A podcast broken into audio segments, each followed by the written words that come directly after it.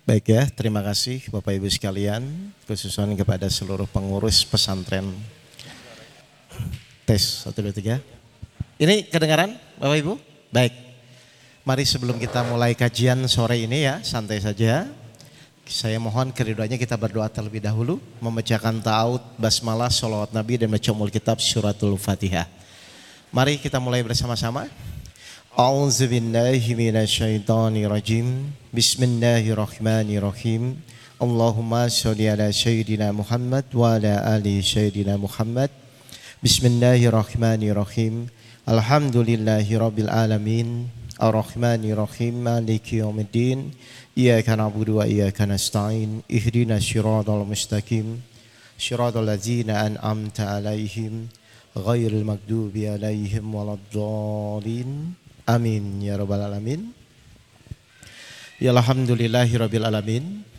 Wassalatu wassalamu asrafil anbiya wal mursalin sayyidina maulana Muhammadin wa alihi washabi ajmain amma badu. Baik. Ini ada adik-adiknya ya. Yaudah. Adik-adik, bapak-bapak, ibu-ibu ya dan semua pengurus pesantren. Terima kasih ya saya bisa bersilaturahmi di sini Perkenalkan saya dengan Oke Setiawan ya. Di samping saya dengan Ustadz Doni Budiman. Kita dari Jakarta Bapak Ibu. Ya, alhamdulillah kita bisa bersilaturahmi. Nah, tadi saya juga judulnya Al-Qur'an sebagai solusi hidup, ya.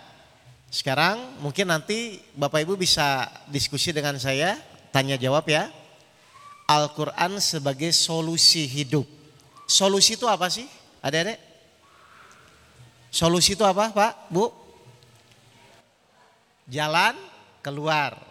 Nah, pertanyaannya, semua yang hadir di sini tuh betul ketika punya masalah tuh inginnya mendapatkan apa? Solusi atau jalan keluar ya. Jadi semua orang, ya siapa pun orangnya, pasti ketika diberikan suatu permasalahan, pasti keinginan yang pertama adalah bagaimana secepatnya keluar dari permasalahan itu. Betul ya? Nah pertanyaan kedua, Berarti semua permasalahan itu ada nggak solusinya di dalam Al-Quran? Ada. Baik, berarti pertanyaan ketiga, berarti untuk menyelesaikan masalah hidup itu mudah atau sulit? Halo? Kira-kira untuk menyelesaikan masalah hidup mudah atau sulit? Lo kok bingung lagi? Coba, coba, coba, saya ulang lagi, saya ulang. Setuju nggak Al-Quran itu solusi hidup? Berarti semua masalah yang Bapak Ibu hadapi, kira-kira ada nggak di dalam Al-Quran? Ada. Berarti semua masalah itu mudah selesai atau sulit selesai? Benar? Nah kalau memang mudah selesai berarti ada masalah atau tidak? Loh katanya, coba-coba. Bapak Ibu setuju nggak ketika Bapak Ibu punya masalah, kan Bapak Ibu ingin masalahnya cepat terselesaikan, betul? Lalu Allah ngasih tuntunan hidup Pak, namanya Al-Quran. Berarti Al-Quran itu adalah sebagai rumus.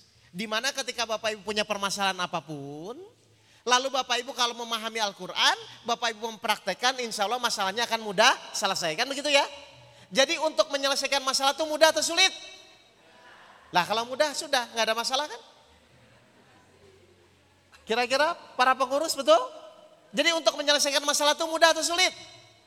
Mudah, berarti perlu pusing nggak kalau punya masalah? Halo? Lo kok bingung lagi? Bingung ini? Coba saya maju deh, sedikit maju nih. Coba enggak biar jelas. Untuk menyelesaikan masalah hidup tuh mudah atau sulit? Kenapa mudah? Karena semua solusinya ada di dalam Al-Quran. Setuju ini? Berarti kalau mudah ketika dapat masalah tuh pusing atau tenang? Loh kok pusing kan mudah. Loh, ngerti gak Bapak ini? Kalau memang Bapak Ibu benar-benar meyakini dan memahami Al-Quran. Kan begitu ya? Baik, sekarang karena kita tadi saya sudah bilang Al-Quran ini solusi hidup dan harusnya mudah. Berarti tinggal pertanyaannya bagaimana caranya. Ketika Bapak Ibu punya masalah, dengan Al-Quran yang nanti Bapak Ibu baca, Bapak Ibu pelajari, masalah itu bisa mudah terselesaikan. Setuju atau tidak? Oke, jadi saya perlu waktu ya kurang lebih sejam lah cukup ya. Nanti Bapak Ibu praktekkan ya, praktekkan. Atau contoh gini, contoh gini. Kalau Bapak Ibu ingin buat teh manis, kira-kira apa yang harus disiapkan? Kalau ingin teh manis apa yang harus disiapkan? Air, gula dan teh. Benar nggak? Gelas. Airnya panas atau dingin? Nah, lihat. Bapak Ibu begitu fahamnya. Ketika Bapak Ibu bilang, tolong buatin teh manis, Bapak Ibu langsung berpikir air, gula, teh, dan gelasnya. Lalu dibuat, akhirnya jadilah teh manis. Berarti untuk membuat teh manis itu jadi masalah atau tidak masalah? Kenapa tidak masalah? Karena sudah paham, sudah mengerti caranya, betul? Nah sekarang ketika Bapak Ibu punya masalah, terus Bapak Ibu ingin selesai masalahnya, bahan-bahannya apa saja? Halo? Eh kan? Bapak Ibu begitu mengerti cara membuat teh manis itu siapkan air, gula, teh, betul? Dan gelas. Bapak Ibu paham ini, begitu mudahnya. Berarti Bapak Ibu sudah tidak berpikir lagi tentang masalah teh manis. Sekarang Bapak Ibu punya masalah. Kira-kira di dalam Al-Quran ada nggak bahan-bahannya untuk menyelesaikan masalah? Apa aja bahannya? Ayo. Apa bahannya, Bu? Lo kok bingung? Nah, Begitu ibu ditanya teh manis cepat pada bisa jawab. Tapi ketika saya tanya apa bahan-bahan untuk menyelesaikan masalah, kenapa bingung? Padahal semua ada di dalam Al-Quran nggak? Kenapa Bapak Ibu nggak hafal? Kira-kira perlu nggak kita kuasai ilmu untuk menyelesaikan masalah hidup? Perlu. Contoh, di pesantren atau di sekolah atau di kuliah pernah nggak diajari bagaimana menyelesaikan istri cerewet? Ada ilmunya untuk menyelesaikan istri cerewet? Kira-kira di dalam Al-Quran ada nggak? Ada. Yang kedua, kira-kira ada nggak ilmu untuk menyelesaikan suami centil? Ada nggak? Ada. Berarti harusnya kalau Bapak Ibu menguasai Al-Quran, semua masalah hidup tidak ada yang tidak mungkin selesai. Pasti selesai. Baik, kalau kurang percaya, kita buka Al-Qurannya ya surat 3 ayat 160. Kita mulai dari sini. Jadi cara menyelesaikan anak nakal, santri nakal, suami centil, istri cerewet, hutang gak lunas, itu ada di dalam Al-Quran Bapak Ibu. Surat 3 Al-Imran ayat 160. Jika Allah menolong kamu, maka tidak ada yang dapat mengalahkan kamu. Tetapi jika Allah membiarkan kamu tidak memberi pertolongan, maka siapa yang dapat menolongmu setelah itu? Baik, saya mau bertanya. Mau bertanya Pak? Bapak Ibu punya hutang 5 juta. Saya punya hutang 2 miliar. Kira-kira menurut Bapak Ibu lebih cepat mana yang lunasnya? 5 juta atau 2 miliar? 5 juta. Pertanyaan kedua, kalau 5 juta tidak ditolong Allah, 2 miliar ditolong Allah, kira-kira mana yang lebih cepat lunas? Kenapa tadi bilang yang 5 juta? Jadi salah satu cara untuk menyelesaikan masalah hidup biar cepat dan mudah. Ternyata itu harus dengan kemampuan diri sendiri atau dengan pertolongan Allah. Nah berarti ketika ada masalah itu Bapak Ibu tuh fokusnya bagaimana supaya masalah itu selesai atau bagaimana supaya Allah menolong? Biasanya gimana ketika Bapak Ibu punya masalah itu biasanya gimana? Supaya selesai atau supaya Allah nolong? Nah, kira-kira pemikiran itu salah atau benar? Salah. Sudah berapa lama? Loh, ngerti gak Bapak Ibu? Jadi sebenarnya Al-Quran solusi hidup itu ternyata salah satu kuncinya adalah setiap masalah yang menimpa kita apa pun itu akan mudah kalau Allah yang menolong. Tinggal sekarang bahan-bahan apa saja supaya Allah menolong masalah kita. Kira-kira bahannya apa supaya Allah nolong? Sholat terus baca Quran Sabar. Udah sebutin aja semua sebutin. nah ini loh Bapak Ibu. Jadi saya jelaskan ya. Ternyata ternyata orang banyak belajar Al-Quran. Banyak membaca Al-Quran. Tapi kenyataannya ketika menghadapi suatu permasalahan, dia bingung bahan apa yang harus dipakai. Ngerti nggak Bapak Ibu ini? Contoh, Bapak Ibu ingin buat teh manis, tapi yang disiapkan air, as, garam, dan teh. Kira-kira jadi teh manis nggak? Nah saya takutnya selama ini Bapak Ibu menyelesaikan masalah tapi salah resep. Baik saya ulang ya. Jadi setuju semua masalah ketika Allah menolong beres? Baik tinggal pertanyaannya bahan-bahan apa saja yang harus kita siapkan supaya ketika punya masalah tuh Allah menolong. Ternyata ada Bapak Ibu. Di mana supaya Allah menolong? Surat Al-Baqarah ayat 153. Bapak Ibu sering dengar ayat ini. Ya ayyuhallazina amanus. Ta'inu bisabri wassola. Innallaha ma'a sobirin. Hai orang-orang yang beriman. Jadikanlah sabar dan sholat sebagai penolongmu. Innallaha ma'a sobirin. Sesungguhnya Allah bersama. Beserta orang-orang yang sabar. Jadi kalau Bapak Ibu ingin ditolong Allah bahannya apa saja? Hai orang-orang yang beriman. Jadi apa yang pertama? Beriman dengan benar. Terus yang kedua, sholat dengan benar. Yang ketiga, sabar dengan benar. Berarti ketika Bapak Ibu imannya benar, sabarnya benar, sholatnya benar, kira-kira ditolong Allah atau tidak? Kalau ditolong masalah beres nggak? Nah berarti pertanyaan saya sekarang, Bapak Ibu sudah beriman? Sudah sabar? Sudah sholat? Nah selesai dong kalau gitu. Sudah ditolong? Eh. Loh ini gimana ini? Loh saya ulang, saya ulang. Kalau iman, sabar, sholat Bapak Ibu benar. Kira-kira masalah itu ditolong Allah enggak? Benar. Bapak Ibu sudah beriman? Sudah sabar? Sudah sholat? Sudah ditolong? Loh, Loh ini tuh iman sabar sholatnya yang belum benar atau ayat yang salah? Nah berarti sekarang kita harus mengerti Pak. Bagaimana iman yang benar menurut Al-Quran. Bagaimana sabar yang benar menurut Al-Quran. Bagaimana sholat yang benar menurut Al-Quran. Karena ternyata bahan-bahan untuk ditolong Allah itu berarti harus iman, sabar, dan sholat. Nah, mari kita cek sekarang ya.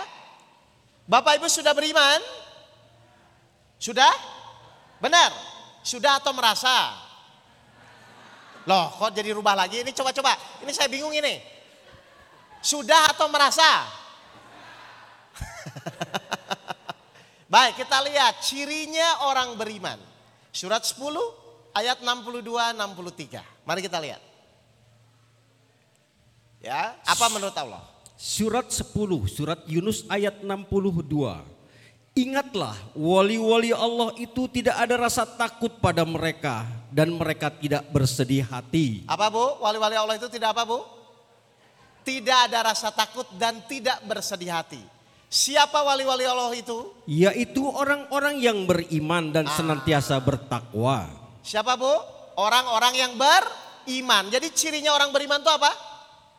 tidak ada rasa takut dan tidak bersedih hati. Saya mau bertanya, Bapak Ibu masih ada rasa takut dan bersedih hati enggak?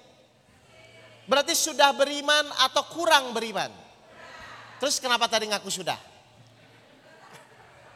Merasa. Oke, satu ya. Baik. Sekarang yang kedua, yang kedua. Bapak Ibu sudah sabar?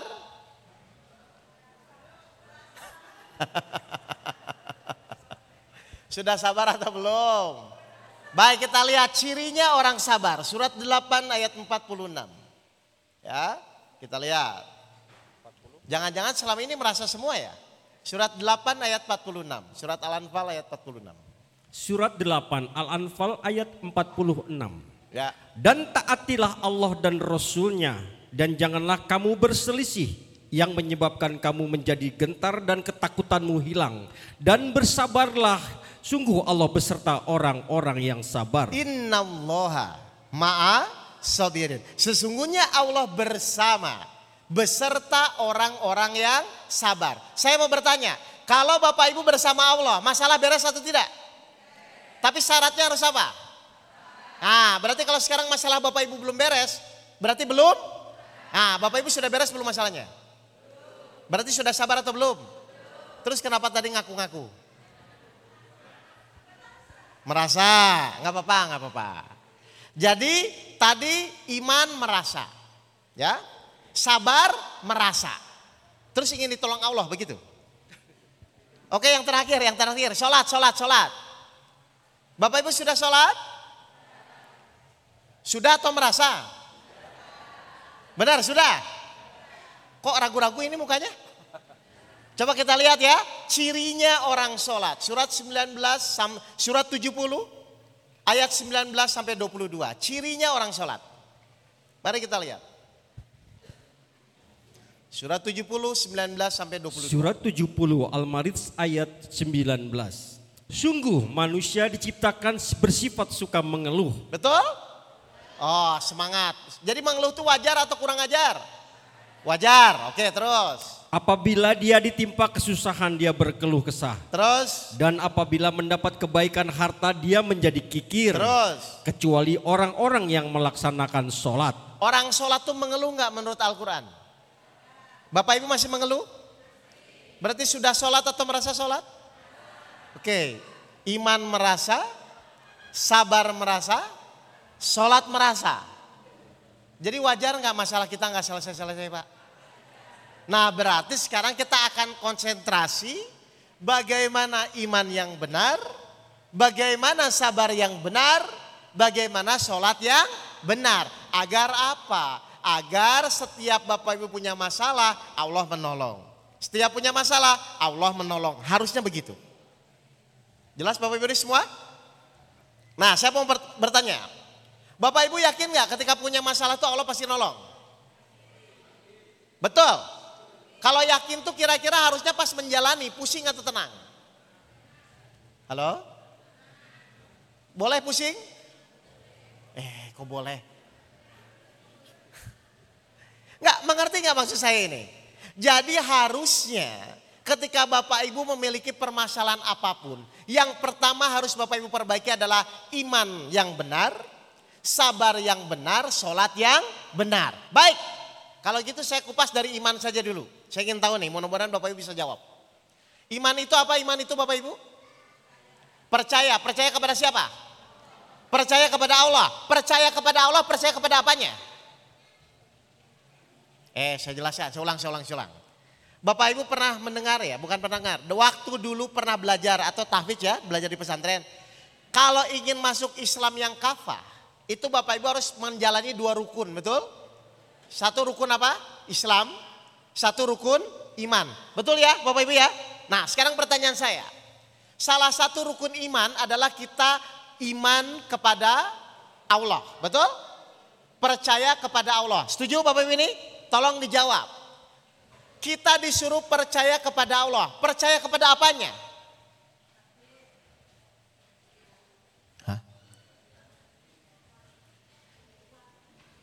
Percaya kepada Allah. Kita disuruh percaya kepada apanya? Halo? Gini, gini, gini, gini, gini. Lebih baik Bapak Ibu langsung jawab salah daripada mikir lama salah ya. Langsung jawab aja ya, sekali lagi ya. Kita disuruh percaya kepada Allah. Percaya kepada apanya? Kehadirannya.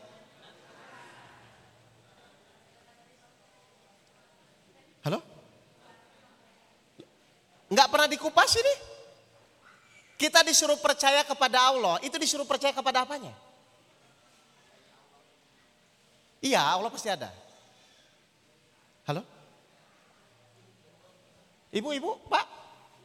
Loh kita disuruh beriman kepada selama ini kan kita rukun iman yang pertama. Percaya kepada Allah. Kita tuh disuruh percaya kepada apanya? Baik, 28 ayat 10. Mari kita lihat. Disuruh percaya kepada apanya? 28 ayat 10, silahkan. Surat 28 Al-Qasas ayat 10. Dan hati ibu Musa menjadi kosong. Sungguh hampir saja dia menyatakan rahasia tentang Musa. seandainya tidak kami teguhkan hatinya agar dia termasuk orang-orang yang beriman kepada janji Allah. Baik, kita disuruh beriman kepada Allah, beriman kepada apanya? Janjinya. Ibu bapak percaya nggak janji Allah? Apa salah satu janji Allah apa? Salah satu janji Allah apa? 11 ayat 6, silakan kita lihat. Ya. Kita lihat. Percaya kepada janji Allah. Surat 11, surat Hud ayat 6. Dan tidak satupun makhluk bergerak bernyawa di bumi, melainkan semuanya dijamin Allah rezekinya. Bapak Ibu percaya Allah menjamin rezeki? Berarti masalah rezeki perlu nggak khawatir? Kenyataannya? Eh. Nggak percaya nggak ini? Kepada janji Allah. Halo Bapak Ibu? Kalau percaya boleh nggak khawatir urusan rezeki? Benar. Berarti khawatir itu salah atau manusiawi? Eh balik lagi manusiawi Pak Bu. Aduh. Jadi Bapak Ibu yang pertama sekali yang harus Bapak Ibu pegang. Ternyata yang pertama kita harus percaya kepada janji Allah. Kira-kira janji Allah itu benar atau salah?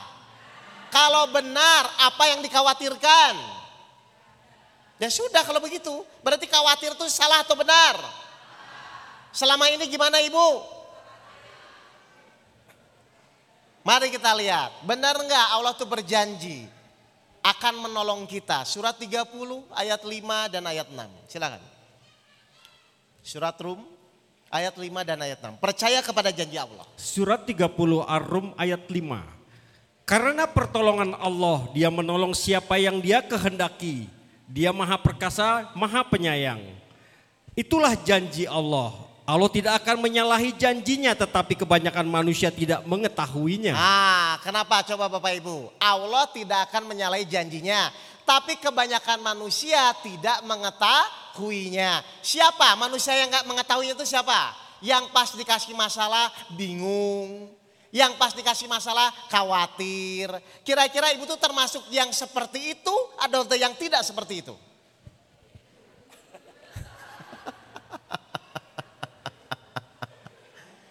Aduh. Nggak boleh ya. Bapak Ibu nggak boleh untuk tidak yakin kepada janji Allah. Paham ini Bapak Ibu ini? Jadi semua masalah itu Allah janji nggak akan menolong. Kalau memang berjanji harusnya dijalani dengan bahagia atau dijalani dengan kepusingan. Kalau pusing itu berarti salah atau benar? Nah, Bapak Ibu selama ini salah atau benar? Nah. Jadi mengerti Bapak Ibu ini? Jadi salah satu supaya Allah menolong ternyata kita perlu iman. Iman itu percaya kepada Allah. Kepada apa? Janjinya. Baru saya kupas sekarang. Gini Bapak Ibu. Yang hadir di sini saya mau bertanya ya. Kalau Bapak Ibu saya tanya, Bapak Ibu tuh inginnya punya masalah atau tidak ada masalah? Coba saya mau nanya pilihan Bapak Ibu. Bapak Ibu di dalam menjalani kehidupan kira-kira kalau disuruh memilih. Ingin punya masalah atau tidak ingin punya masalah? Kira-kira jawabannya apa? Tidak ingin kan? Baik. Kira-kira pikiran itu tuh benar atau salah? Loh kalau salah ngapain bilang tidak ingin? Eh saya ulang lagi, saya ulang lagi, saya ulang lagi, saya ulang lagi. Bapak Ibu kalau saya tanya, Bapak Ibu tuh ingin punya masalah atau tidak ingin punya masalah? Tidak ingin kan? Baik, kira-kira pikiran ini saat ini benar atau salah? Benar dong jawabnya tidak ingin kan? Nah, mari kita lihat Al-Qur'annya. Apakah kita tuh boleh pemikiran kita tidak ingin punya masalah atau setiap manusia pasti akan ada masalah? 76 ayat 2. Mari kita lihat. Ya. Kalau nanti pemikiran Bapak Ibu nggak sama dengan Al-Quran, yang dikalahkan mana? Pemikiran atau Al-Qurannya? Pemikiran kita ya? Baik, silakan. Surat 76 Al-Insan ayat 2. Sungguh kami telah menciptakan manusia dari setetes mani yang bercampur yang kami hendak mengujinya. Sungguh kami akan menciptakan manusia dari setetes mani yang bercampur akan berarti sudah terjadi atau belum? Berarti sebelum kita lahir pun Allah siapkan apa? Masalah atau ujian. Berarti nanti ketika Bapak Ibu lahir, itu tuh Allah akan nguji atau tidak uji? Berarti yang namanya manusia itu wajar nggak kalau punya masalah? Kalau wajar itu harusnya biasa-biasa saja atau pusing? Jadi kalau nanti Bapak Ibu curhat kepada saya, Pak Oke saya punya masalah, maka jawaban saya apa? Wajar. Kalau Bapak Ibu tidak mau punya masalah berarti Bapak Ibu tidak wajar. Bapak Ibu tuh orang wajar, orang tidak wajar. Halo? Jadi manusia yang benar tuh harusnya punya masalah atau tidak ada masalah? Ya sudah kalau begitu. Berarti ada masalah enggak? Ada cuman jawabannya wa, wajar. Jadi wajar tuh harusnya biasa-biasa saja atau pusing? Kalau pusing tuh wajar atau tidak wajar? Bapak ibu orang wajar orang tidak wajar? Sudah selesai. Karena manusia yang benar menurut surat Al-Iksan 76 ayat 2 itu pasti akan punya masalah. Kira-kira yang namanya masalah itu enak atau tidak enak? Lah itu tahu. Berarti ketika dapat masalah yang tidak enak wajar nggak? Berarti wajar tuh biasa saja atau pusing? Biasa saja. Jadi yang namanya masalah tuh enak atau tidak enak? Berarti semua manusia pasti dapat nggak? Al-Baqarah 155. Mari kita lihat. Surat Al-Baqarah 155. Surat 2 Al-Baqarah 155. Dan kami pasti menguji kamu dengan sedikit ketakutan. Dan kami pasti akan menguji. Pasti itu apa Pak? Pasti itu. Berarti semua orang pasti akan punya masalah atau boleh tidak ada masalah? Nah, jadi boleh nggak ngomong saya nggak mau punya masalah? Boleh nggak saya ngomong saya tidak mau punya masalah? Karena semua orang pasti akan diuji. Terus? Dan kami pasti akan menguji kamu dengan sedikit ketakutan, kelaparan, kekurangan harta, jiwa dan buah-buahan. Benar nggak? Ibu bapak sudah mengalami ini nggak? Berarti wajar nggak? Berarti yang namanya wajar biasa-biasa saja atau pusing? Awas kalau pusing lagi. Loh karena pasti pak. Ngerti bapak ini? Tapi bapak ibu ingin bahagia nggak menjalaninya? Nah, gimana caranya? Lanjut. Dan sampaikanlah kabar gembira kepada orang-orang yang sabar. Ah, berarti Bapak Ibu harus menguasai ilmu apa? Sabar. Sekarang pertanyaan saya, sabar itu sulit atau mudah? Hah? Eh, saya ulang, saya ulang, saya ulang, saya ulang. Sabar itu sulit atau mudah, Pak? Sulit. Pertanyaan kedua, kalau saya ajarkan caranya, mudah atau sulit? Nah sulit itu karena sabarnya atau karena nggak tahu caranya? Ya sudah ngaku aja karena nggak tahu caranya kan? Jadi sabar itu sulit karena selama ini Bapak Ibu tidak pernah ada yang mengajarkan caranya. Coba mohon maaf ya. Ibu punya masalah sama suami sama anak. Terus curhat ke teman, ke tetangga. Biasanya ujung-ujungnya disuruh apa? Suruh sabar. Pernah nggak Bapak Ibu tanya, Ustadz saya bukan orang sabar, ingin menjadi sabar. Bagaimana caranya? Pernah nggak ditanya caranya? Atau cuma disuruh sabar saja? Nah kalau disuruh sabar anak kecil juga bisa nyuruh pak. Kalau orang nyuruh sabar itu, yang terpenting itu tanya apa? Caranya. Pernah dulu di kuliah diajarkan caranya sabar atau cuma disuruh? Hei. Kalau bapak ibu ada orang yang nyuruh sabar, tanya caranya. Metodologinya seperti apa? Cara latihannya seperti apa? Prakteknya seperti apa? Supaya apa? Supaya Bapak Ibu bisa menjadi sabar. Mau saya ajarkan caranya? Benar. Kalau sudah diajarkan caranya setelah itu apa? Praktek. Baik. Setuju? Saya harap Bapak Ibu praktek ya. Baik. Sekarang. Sebelum saya masuk saya mau katanya dulu. Misalnya saya itu sakit pak, saya sakit ya. Terus saya itu ke dokter. Nah sampai dokter saya ngomong, Pak dokter tolong saya ingin sembuh. Nah terus dokter periksa cek, lalu dokter bilang gini, Pak Oke kalau ingin sembuh Ini tolong obatnya ditebus tapi mahal dan pahit.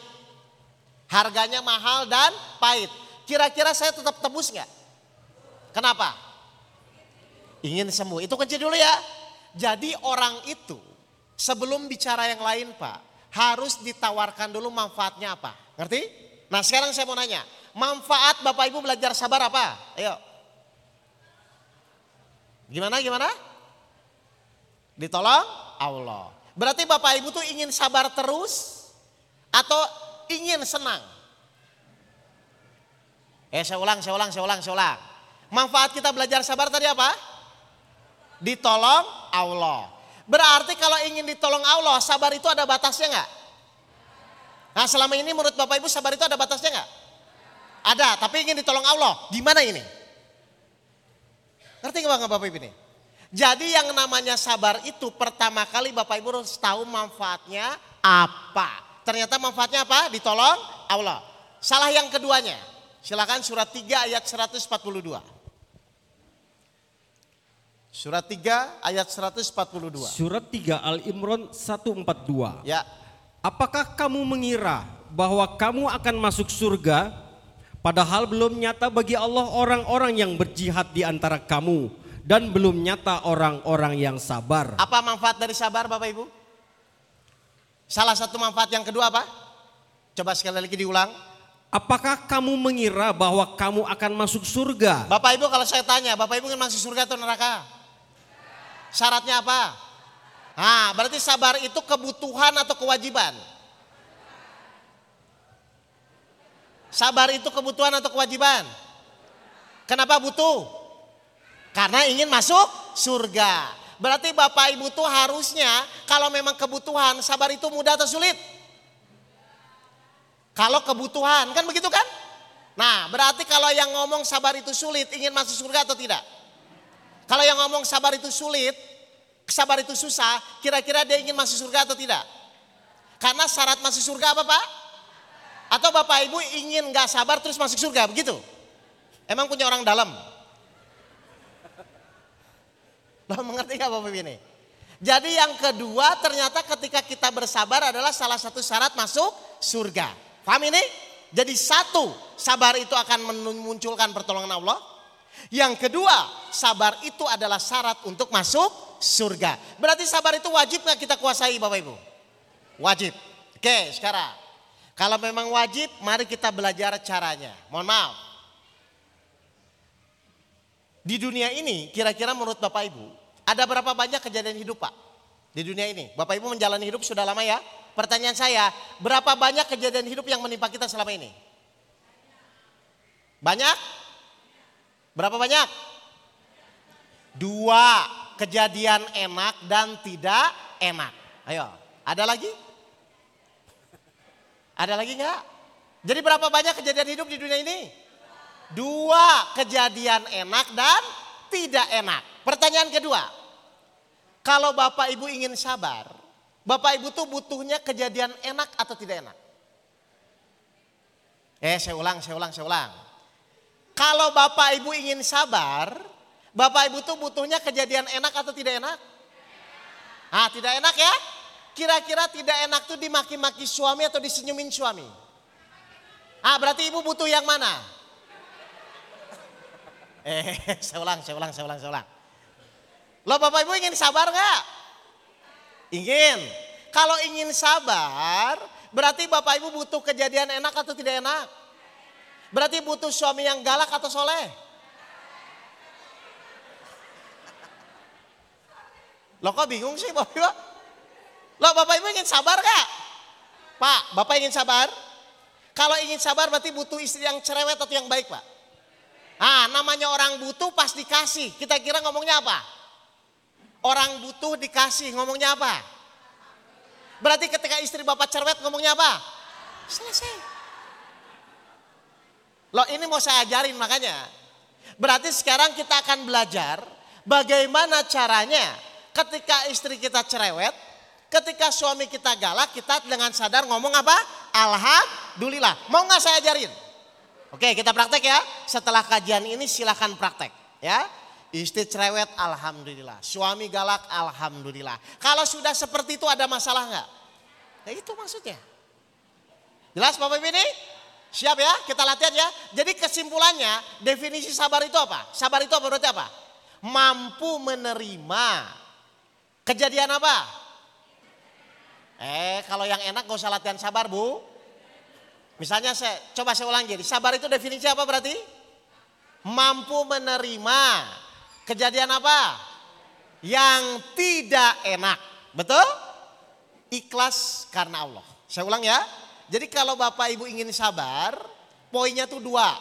Satu mampu menerima, yang kedua harus karena Allah. Jelas ini Bapak dan Ibu ini? Faham? Oke. Sekarang saya masuk caranya. Bagaimana caranya supaya Bapak Ibu bisa sabar dengan benar ya. Karena ketika Bapak Ibu sabar, Allah bersama orang-orang yang sabar. Gini, Bapak Ibu setuju nggak? Bahwa semua kejadian yang terjadi di muka bumi ini harus atas izin Allah. Ya, setuju nggak? Baik kita buka ayatnya ya. 64 ayat 11. Ada dua ayat nanti saya buka.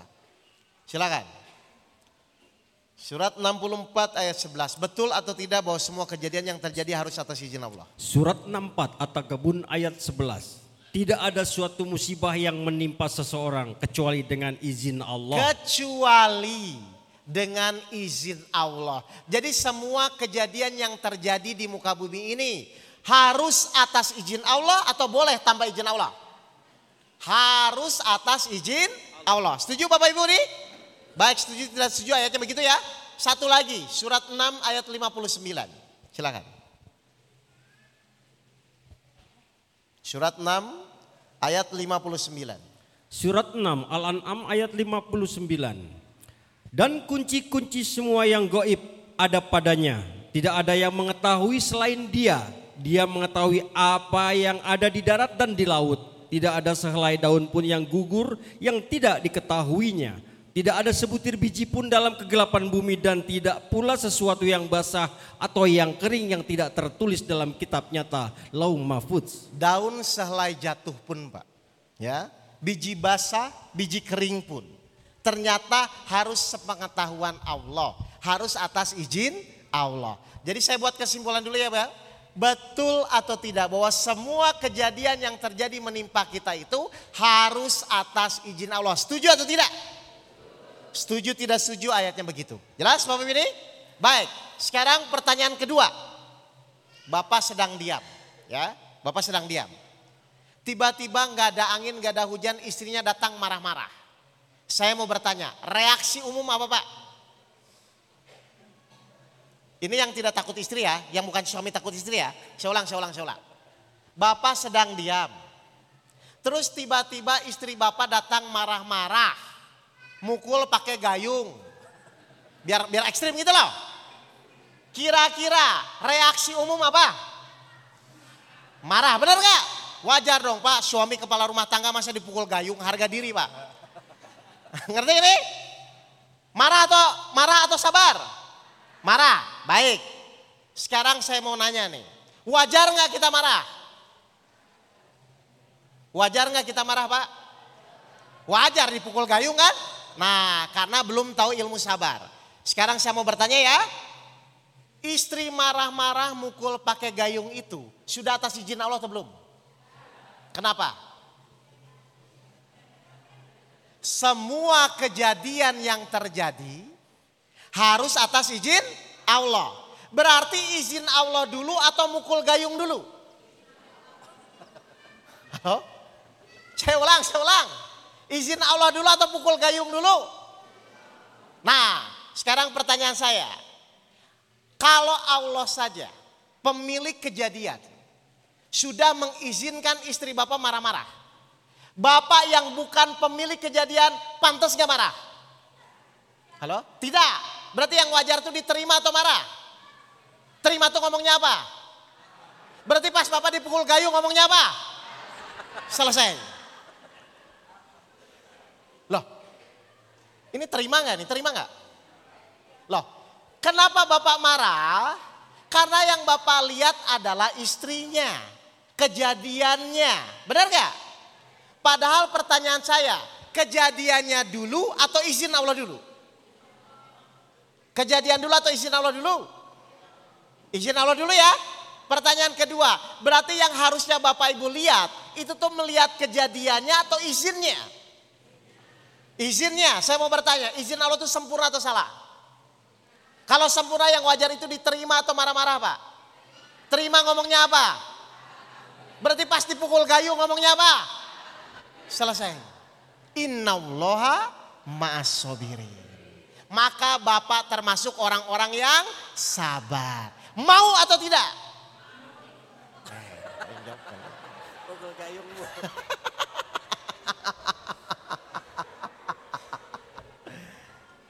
Mau atau tidak? Eh, saya ulang. Tapi kalau Bapak bersabar dengan benar, kira-kira mungkin nggak istrinya mukul pakai gayung? Kita lihat, kalau Bapak Ibu bersabar dengan benar apa janji Allah di dalam Al-Quran. Surat 3 ayat 125. Lihat janji Allah kepada orang-orang yang sabar. Surat 3 Al-Imran 125.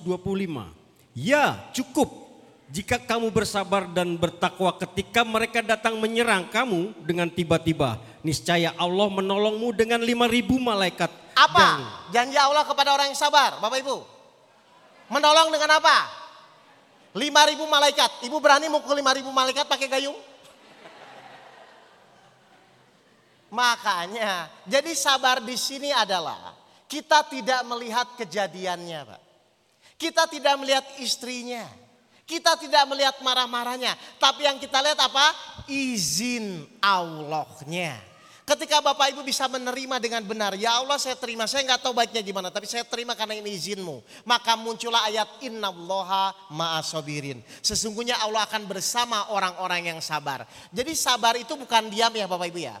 Sabar itu adalah pas pukulan pertama Bapak Ibu langsung ngelihat izin Allahnya, ingat kepada Allahnya. Nah ini perlu latihan. Berarti latihannya dengan istri yang soleh atau yang cerewet Pak? Ah berarti Bapak butuh yang mana sekarang? Pak istri saya sudah soleh. Sudah kalau soleh nggak usah cari yang cerewet, udah itu aja dulu. Ngerti Bapak ini?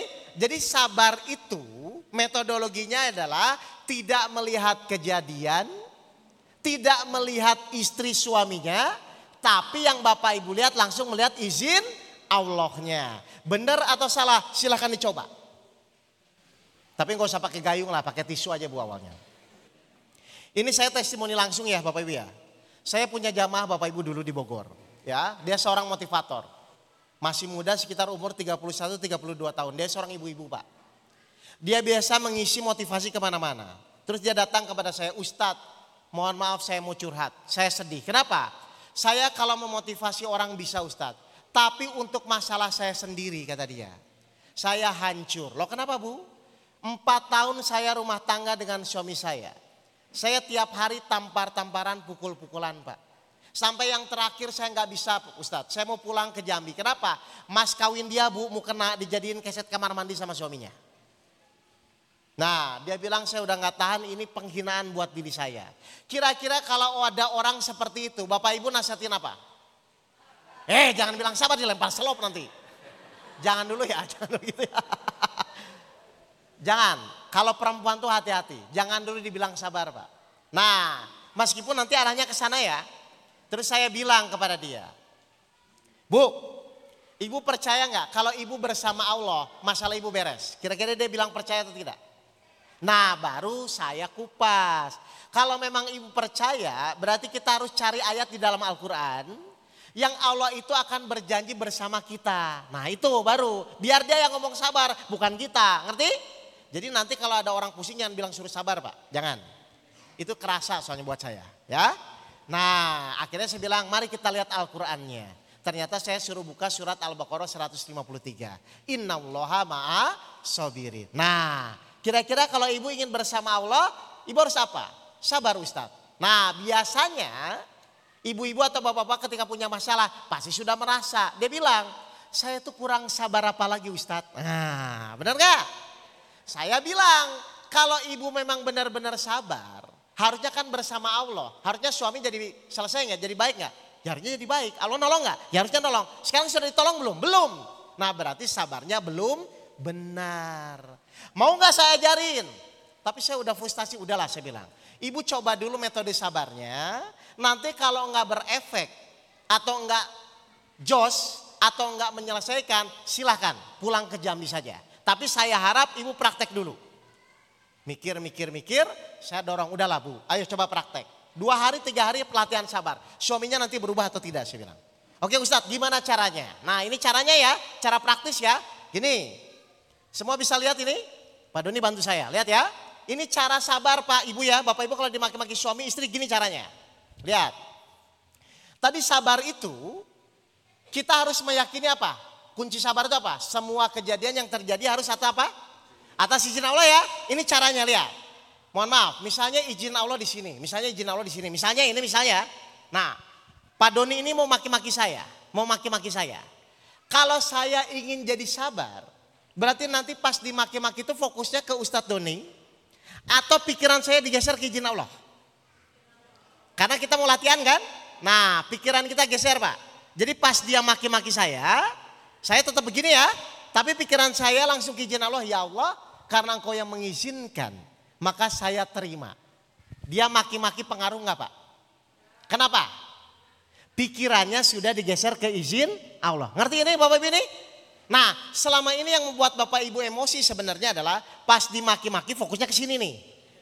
Ayo jujur benar nggak? Nah nanti latihan ya. Jadi nanti pas dimaki-maki suami istri Pak. Geser. Ya Allah, karena engkau yang mengizinkan, saya terima. Dia biarin aja maki-maki, ngerti? Tapi tetap kepalanya jangan ke sini, tetap ke sini. Pikirannya aja ya, pikirannya aja ya.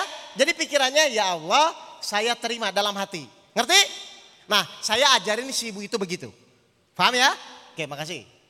Saya ajarin dia, saya bilang, Bu, pokoknya sekarang coba ibu praktek. Tapi susah Ustadz, namanya juga sabar. Hadiahnya surga. Kalau ingin mudah hadiahnya sepeda. Ngerti? Terus dia diam, udahlah saya bilang, Bu, ibu praktek dulu saja. Nanti sehari dua hari update, benar nggak ada perubahan? Oke Ustadz, jadi nanti kalau suami saya marah-marah, saya langsung pikiran saya, ya Allah saya terima. Ya, saya, saya begitu. ya. Dan ini perlu latihan. Oke, kata dia. Saya mau praktek Ustadz. Pada maghrib dia pulang pak dari rumah saya. ya Nyampe rumahnya pada Isya. Eh benar pak. Pas nyampe rumah itu si suaminya sudah menunggu. Dan memang udah emosi, udah mau maki-maki. Eh benar istrinya nongol. Nongol di ruang tengah, suaminya langsung berdiri, langsung nunjuk-nunjuk. Kaki empat, kaki lima semua keluar omongannya. Istri kurang ajar, kaki empat keluar, kaki lima keluar. Ngomong suaminya, udah emosi. Nah 15 menit suaminya marah-marah. Suaminya heran, kok istri saya nggak ngelawan-ngelawan. Biasanya tarikan pertama langsung lawan mbak. Ini jadi pas si suaminya maki-maki, istrinya bilang, ya Allah saya terima. Waktu itu saya sesak napas Ustaz, tapi saya paksa. Gitu loh. Latihan begitu ya. Saya terima ya Allah. Suaminya maki-maki, 15 menit nggak ngelawan, 30 menit nggak ngelawan. Sejam kemudian suaminya kecapean. Ah, sejam marah-marah nggak dilawan kan capek pak? Justru semakin semangat tuh kan kalau dilawan. Ini istrinya nggak ngelawan. Ya Allah saya terima kata dia. Nah apa yang terjadi bapak ibu? Karena si istrinya nggak ngelawan-ngelawan. Akhirnya suaminya kan kesel. nggak ngelawan-ngelawan kan? Akhirnya suaminya bilang, baik mah bu kalau kamu diam saja kita lanjut besok. Ini serius ini. Ini kejadian nyata pak. Akhirnya pisah, istrinya tidur di ruang depan, suaminya di ruang belakang. Nah pas subuhnya Pak, ini keajaiban Allah mulai terjadi. Pas subuhnya si istrinya mau sholat ngambil wudhu ke dapur, ke belakang kan. Suaminya bangun ngikutin, dia pikir mau berantem lagi. Suaminya apa yang terjadi langsung cium kaki istrinya. Sampai sekarang gak pernah berantem lagi. Kenapa seperti itu? Innallaha ma'as sobirin. Sesungguhnya Allah bersama orang-orang yang sabar. Jadi begitu cepatnya, empat tahun masalah tidak selesai. Ibu ini hanya praktek satu malam. Mempraktekkan bahwa semua kejadian atas izin Allah. Dia terima dulu. Lalu Allah membulak balikan hati suaminya bu. Suaminya langsung berubah. Ahlaknya. Kalau suaminya tetap itu ahlaknya. Langsung berubah. langsung tiba-tiba cium kaki istrinya dan suaminya bilang minta maaf, ayah janji tidak akan pernah lagi maki-maki ibu. Bayangkan bu, empat tahun tidak selesai-selesai, dia dengan menghormati izin Allah, meskipun dia ke waktu itu masih belajar, kan masih belajar ya, masih sek ya, tapi Allah sudah melihat kesungguhan dia untuk menjadi sabar, akhirnya Allah dengan mudahnya membolak-balikan hati suaminya. Kira-kira pertanyaan saya, Bapak Ibu mau praktek nggak? Kira-kira kalau ingin praktek, butuh pasangan yang baik atau yang menjegelkan? Halo? Kalau Bapak Ibu ingin praktek, butuh istri yang cerewet atau yang baik? Eh, bapaknya yang jawab, bukan ibunya. Silakan dipraktekkan ke suami, ke anak, silakan praktek. Buktikan, benar nggak janji Allah benar. Ketika Bapak Ibu bisa menghormati izin Allah, Allah akan menurunkan pertolongannya. Pertanyaan kedua, kira-kira kalau Bapak Ibu setiap kejadian melihat izin Allah, melihat izin Allah, kira-kira hatinya tuh sesak napas atau jadi tenang? Kalau sudah jadi tenang, masalah nggak? Sudah, 13 ayat 28, silakan. Ini sampai jam berapa ini? Kayaknya sudah ya? Hah? Eh belum? Surat 13 Arad ayat 28. Apa janji Allah ketika Bapak Ibu selalu melihat izin Allah? Yaitu orang-orang yang beriman dan hati mereka menjadi tentram dengan mengingat Allah. Ingatlah hanya dengan mengingat Allah hati menjadi tentram. Ingatlah hanya. Hanya itu satu atau dua. Jadi tidak ada cara lain. Ya, Kalau Bapak Ibu ingin tenang di dalam menjalani hidup. Semua kejadian yang terjadi harus Bapak Ibu melihat izin Allah. Saya tahu ini perlu latihan. Betul nggak? Contoh, contoh gini. Kalau Bapak Ibu ingin jadi ahli tinju, bisa nggak tinju sendirian? Kalau Bapak Ibu ingin jadi ahli tinju, bisa nggak tinju sendirian? Harus ada apa? Lawan atau sparring partner, betul? Saya mau nanya, kalau Bapak Ibu ingin jadi ahli sabar, bisa nggak sabar sendirian? Harus ada apa? Lawan, sparring partner. Banyak nggak sparring partner di sini? Bapak Ibu punya sparring partner nggak? Eh siapa aja? Siapa sparring partnernya? Suami. Suami.